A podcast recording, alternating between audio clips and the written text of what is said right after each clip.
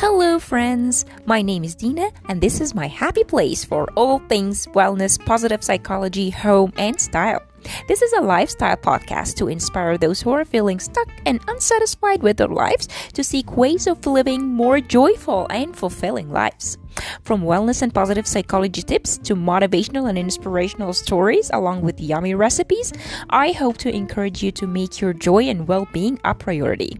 My goal is to create a space of positivity and encouragement, a space where we celebrate the little things in life that bring us joy, and a space where I hope to inspire others through my own journey and advice from experts on how to work through feeling blue to finding joy in each and every day.